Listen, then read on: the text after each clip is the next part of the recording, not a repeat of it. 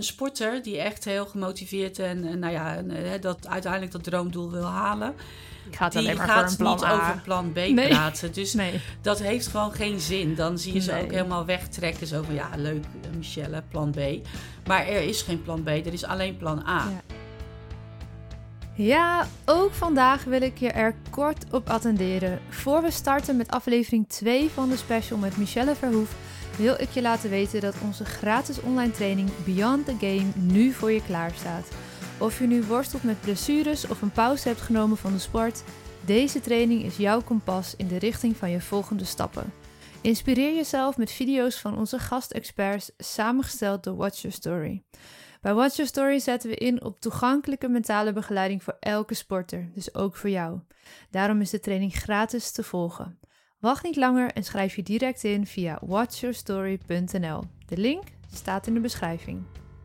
Welkom bij de Watch Your Story podcast. De podcast waarin onze sportieve gasten hun persoonlijke verhaal delen met jou. Watch Your Story is het platform voor en door sporters en voormalig sporters. Ben je geblesseerd geraakt of helemaal gestopt met je sport en vraag je je af wat nu? Via onze website watchyourstory.nl kun je onze online training Beyond the Game volgen. De training is helemaal gratis voor alle luisteraars omdat wij vinden dat mentale begeleiding voor alle sporters beschikbaar moet zijn. Aanmelden kan via watchyourstory.nl. Die link vind je ook in de beschrijving van deze aflevering. Want vergeet nooit, je bent niet alleen. Your story counts. Een alternatief plan A. Als topsporter heb je een droomdoel nodig. Jouw plan A. Zeker wanneer je op Papendal zit, vertelt Michelle Verhoef, life skill coach op Papendal. Een plan B is dan niet aan de orde. Maar wat als dat droomdoel ineens uit beeld verdwijnt? Wat als het niet lukt? Als je jouw talent ineens niet waar tussen haakjes weet te maken, of je raakt ernstig geblesseerd. Vaak komt er dan schaamte om de hoek kijken. Naar de trainer, coaches, ouders, die allemaal zoveel voor je hebben geregeld en gedaan. Hierover hebben we het in deze tweede aflevering met life skill coach van Topsportcentrum Papendal, Michelle Verhoef. Michelle, welkom bij deze tweede aflevering van Watch Your Story podcast in de serie die wij samen opnemen. Vandaag gaan we het hebben over schaamte. En natuurlijk weer in relatie tot eh, geblesseerd raken, langdurig uit de relatie zijn als eh, ja, topsporttalent hier op Papendal. En ook voor de luisteraars trouwens, hè, als je niet hier op Papendal zit, Mhm. de lessen zijn eh, ja, Hetzelfde. hetzelfde. Ja. als jong talent als, en misschien zelfs wel voor de amateursporter ja. zitten er denk ik herkenbare elementen in. Dus laten we even bij het begin beginnen. Schaamte, wat is dat eigenlijk volgens jouw visie? Ja, schaamte is dat je eh, iets voelt waarvan je eigenlijk weet... Eigenlijk weet je wel dat het niet hoeft. Hè? Dat, dat heeft vaak... eh, eh, tenminste, dat is ook wel wat ik merk in de gesprekken. Als je dan in gesprek gaat en je vraagt van... Goh, maar waarom schaam je je eigenlijk? Hè? Want wat, waar, hè, wat, is, wat is er waarover je zou moeten schamen? Dan geeft ze eigenlijk altijd wel het antwoord... Hmm, ja, goede vraag. Eigenlijk niks. Alleen, ehm, nou ja, bijvoorbeeld in relatie naar een coach of naar ouders, heb je heel vaak dat eh, je wil je ouders niet teleurstellen. Je wil je coach niet teleurstellen. Dus als, je, hè, als we even naar het onderwerp van gisteren gaan, dan je wil je coach niet teleurstellen dat je langdurig geblesseerd bent. Eh, je ouders betalen vaak dit. Hè? Ja. Je sport, pap, eh, nou, wij hier op Papendal. Maar ook als je amateursporter bent en je bent 15, 16 jaar. Je ouders rijden je overal naartoe. Betalen je contributie. eh, betalen je, je kleding, je schoenen, je materiaal. Dus als je dan langdurig geblesseerd raakt, dan, ja, dan, dan eh, misschien schaamte een groot woord, maar dan ben, je voelt je in ieder geval wel dat, je, dat het een teleurstelling is. Ja, En bepaalde daar- loyaliteit heb je ook. ja, ik. zeker. Ja. En coaches, en dat is in onderzoek gebleken, coaches en ouders staan op gelijke hoogte qua belangrijkheid voor jonge mensen. Ja. Eh, dus ehm, Het is misschien ook goed om even te horen voor alle coaches die luisteren. ja, je zeker. dus Weet echt hoe wel- belangrijk je ja. bent. Hè? Want eh, wat we vaak ook wel zien is dat als coaches op ouders afgeven, omdat eh, dus de, de, de typische sportouder, eh, wie, kent, wie kent ze niet? Ja, Ehm, hebben we allemaal een beeld bij. hebben we allemaal een beeld bij. Alleen, wat natuurlijk wel belangrijk is, die ouders zorgen wel dat die kinderen op de training zijn, op de wedstrijd zijn, dat ze aangekleed zijn, dat ze, nou ja, ze worden opgevoed als het goed is. Hè? Dus ze hebben, eh, ze hebben de, de coaches kunnen er ook profijt van hebben. Het is maar Ja. net hoe je ernaar kijkt. Dus als jij als ouder de coach afvalt, dan breng je je kind in een enorm loyaliteitsconflict. Andersom Ja. precies hetzelfde. Als je als coach naar ouders toe, of over de ouders praat met het kind in een negatieve sfeer, breng je dat kind in een enorm loyaliteitsconflict. Dus let daarin gewoon heel erg op wat je zegt, hoe je doet. En vooral hoe je doet. Want wat je zegt is één ding, is maar één ding, maar je toon en Ja. je houding en je non-verbale zeker kinderen doen wat je doet. Hè? Precies, en eigenlijk ja. is dat bij eh, ons volwassen kinderen helemaal niet anders. Nee, en Nee. Wat, dat, dat, ik vind dat altijd een mooi voorbeeld. Als jij niet wil dat je kind boos wordt als een band lek is, moet je zelf niet boos worden als een band lek. Hè? Want je geeft dan het goede voorbeeld. Ja, als je niet wil dat je kind tiert en schreeuwt, moet je het zelf ook niet doen. Nou, dat is voor coaches zo, maar dat is dus ook voor, eh, voor ouders zo. Maar wat je vaak ziet is dat ze ja, zich dan toch wel gaan schamen. Dat ze langdurig geblesseerd zijn of dat ze niet mee kunnen komen.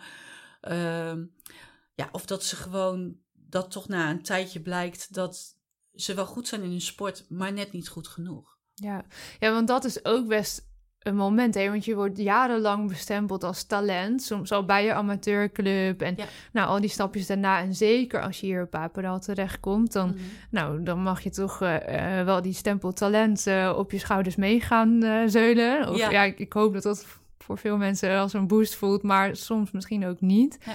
Ehm, ja, hoe, hoe kan je daar goed mee omgaan als dat, ja, je bent dat talent en ineens valt dat weg?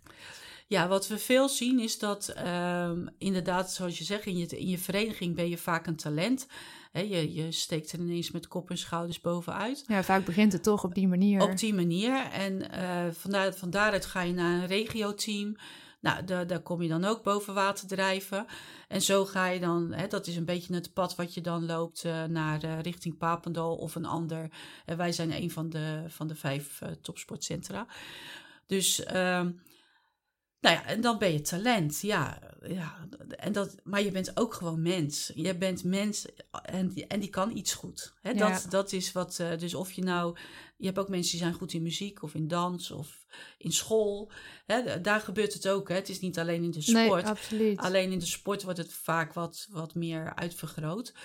Ehm, ja, en dan zit je hier en dan. dan moet je- het ineens gebeuren. Ja, en dan ben je een van de velen. ja. Want ze zijn hier allemaal talent. En wat we dan merken is dat ehm degene die ehm, ja, toch vaak dat, dat, dat stempel talent hebben gekregen, dat die soms zelfs een beetje in het eerste half jaar een beetje achteruit gaan. Want die moeten wennen. En daar zijn ze dan ook weer teleurgesteld over. hè. Schaamte. Schaamte. Ja, Van shit, ik ben het talent, mijn ouders betalen dit. nu En moet het nu gebeuren, en het ik ga achteruit. Eh, Hè, wat, wat, what's happening? Zo, hè, dat, eh, dat idee. Wat, wat gebeurt daar dan vaak? What's happening? Eh, daar komt vaak wel onzekerheid dan eh, de hoek om. En is dat ze ook omdat ze ineens meer gaan trainen, misschien intern hier gaan wonen, alles, alles bij elkaar. waardoor ze Ja, juist even achteruit gaan, omdat het best ook overweldigend kan zijn? Zeker, ja. Wij noemen het soms wel eens... eh, we zijn nu met een, eh, met een workshopprogramma of een sessieprogramma bezig. Hoe overleef ik Papendal? Ja, Eh, en dat zijn voor de eerste ja, jaar. ja, we lachen, maar dat, is, Ja, dat het- maar is, het wel, zo. serieus. Ja, Ja, Hè, als je 15, 16 jaar, ja. eh, natuurlijk super tof. Hè, want dat, zo komen ze hier ook allemaal binnen. Ja, ik kom hier, ik kom hier naartoe en super tof. zo lang een droom vaak. Ja, En, dat, nou, de- en dat is het ook. Hè. Het is hier ook super tof. Dat is het ook. Alleen, ja, je komt hier wel wonen ja. en leven. En elke dag is hetzelfde. Je staat om zeven uur op. Nou, vaak eh, eten, trainen, douchen, naar school, terug uit school, omkleden, trainen, eten, huiswerk en naar bed. ja. En, en dat elke dag. Ja, en niet iedereen gaat daar natuurlijk even lekker op. Nee, precies. Hè, dus, en als je daar dus merkt van, hé, hey, daar ga ik niet lekker op. Ja, dan kunnen wel gevoelens van ook teleurgesteld in jezelf zijn. Maar ook, teleur, hè, ook je schamen naar je ouders toe, die het toch allemaal betalen. En Ja. schamen naar die coach van ja, maar die heeft me toch hierheen gehaald als talent. En nu maak ik het niet waar. Nou, wat we heel vaak zien is dat hier in het tweede jaar ze echt enorme stappen maken. Want dan zijn ze gewend aan het ritme hier. Ze weten, dit is mijn leven. Hier heb ik voor gekozen. En dan zie je ze vaak heel erg opbloeien. Ja. Wat we ook vaak zien is dat ze zo rond nou ja, november, donkere dagen, het gaat weer regenen. eh, dan zijn ze drie, vier maanden hier. En dan zie je inderdaad dat ze een beetje, ja, moe. Mm. Eh, is dit nou wel de juiste keuze geweest? Eh, dat hebben mensen buiten Papendal al, denk ik. Gewoon de gewone, niet sportende... En dat is denk ik ook wel goed om te, om te, laten, om te vertellen dat. ehm, eh, het zijn natuurlijk gewoon jonge mensen. En het is gewoon een, een afspiegeling van de maatschappij wat hier rondloopt. Ja, Dus met wat er in de maatschappij aan problematiek is, is er hier ook. ja, logisch eigenlijk. En misschien zelfs wordt het nog wel onder een vergrootglas Juist, juist. Omdat Ja. eh, eh, er wordt veel van ze verwacht. Hè? Het, is een het prestatieniveau ligt hier hoog. En daar moet je wel aan kunnen voldoen. Ja, bedoel, dat hebben wij als, als medewerkers al. Hè? Dat wordt van ons ook ja, gevraagd. ja. Dus eh, Ik moet ook gelijk denken aan een voorbeeld wat eh, Sanne Keizer noemde. Uh, beachvolleybalster, als de gast in de podcast, heeft Mhm. haar verhaal gedeeld. En zij heeft de laatste jaren van haar carrière gespeeld met Madeleine Meppelink. En zij waren de grootste tegenpolen. Maar uiteindelijk hebben ze door hele goede communicatie juist hele geweldige resultaten Ja, gehaald. ja. Zij zei, ja, ik moest af en toe gewoon onder de mensen. ja, En even iets gezelligs. En ze had het jonge tweeling thuis. Dus ze had een heel ander ritme dan haar Ja, beachvolleybalpartner. Maar zij was natuurlijk op dat moment al op zo'n volwassen leeftijd... dat ze precies wist van, maar ik heb dat nodig... want dan presteer ik Ja, beter. ja, En ik ben volwassen genoeg om dat ook uit te spreken. zeker. Maar ja. ik denk wel, ja, ik kan me voorstellen dat als je hier loopt en je, je bent een beetje zo'n type persoon. Ja, ik heb dat ook. Als ik alleen maar helemaal niemand verder zie, ja, dan zou ik gek worden. Ja, ja, en dat, nou, nou, dat is heel goed dat je dat benoemt. Want dat is hier natuurlijk precies hetzelfde. Ja, De een die trekt zich terug op de kamer. En vindt dat en heerlijk. vindt dat prima. En die gedijt daar heel goed bij. Waarin je soms, als het in een teamsport gaat, ze, hè, dat- je dan een zeg maar. eh, eh, dat er eentje binnenkomt die zegt: Nou, ik maak me toch wel heel erg zorgen om die en die. Want die zit alleen maar op de kamer.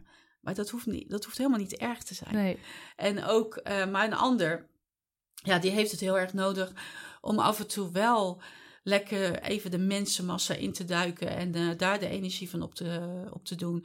En daarin begeleiden wij hun ook van wat heb jij nodig om hier goed te kunnen leven, om hier te kunnen zijn, om je ding te kunnen doen en om je talent te ontwikkelen.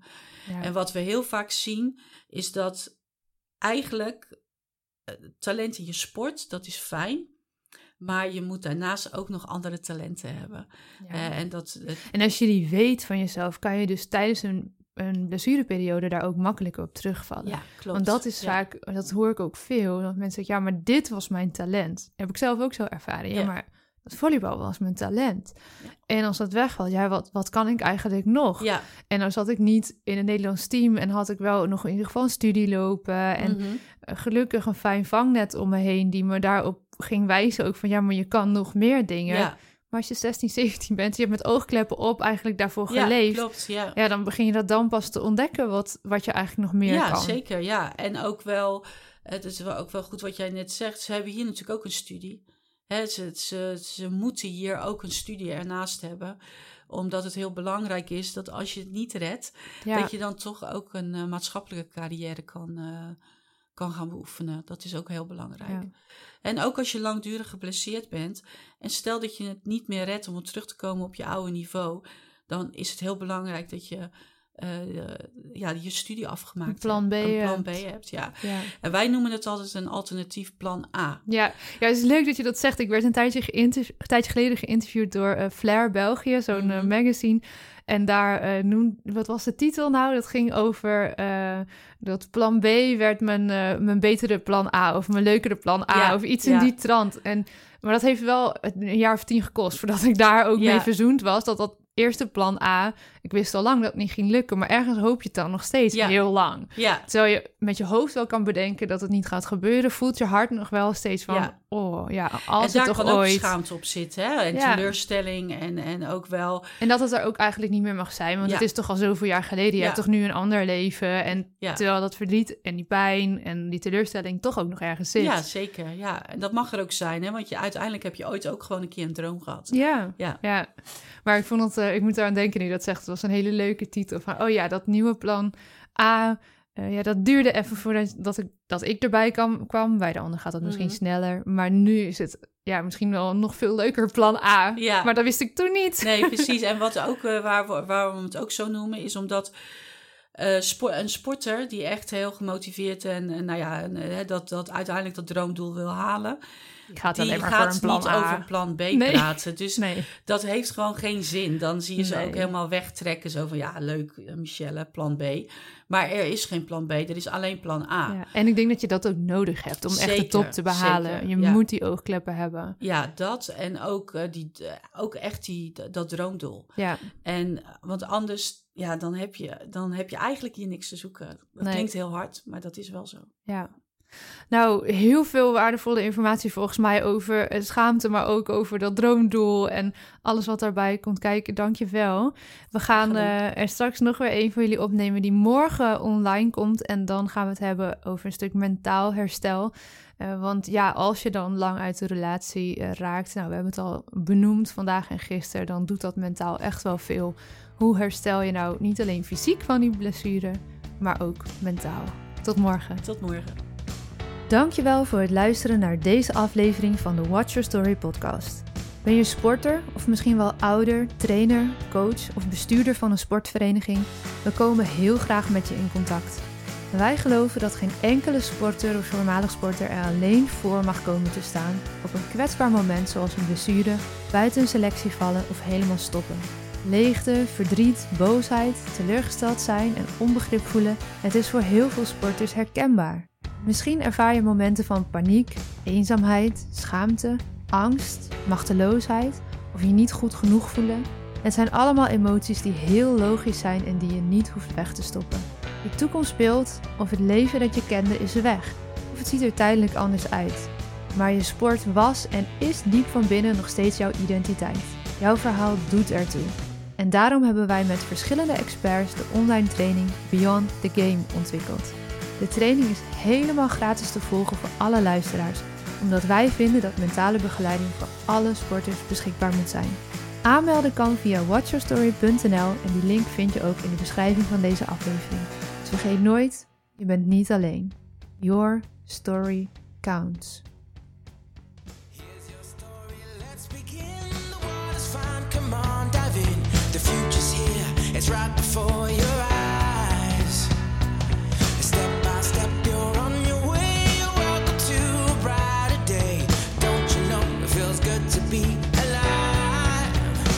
You could be larger than life, bigger than the world, living out the hopes and dreams of every boy and every girl. You could fly higher than the sky, shine brighter than the stars. You could have all you ever wanted, shoot the moon and reach for Mars. You know you could.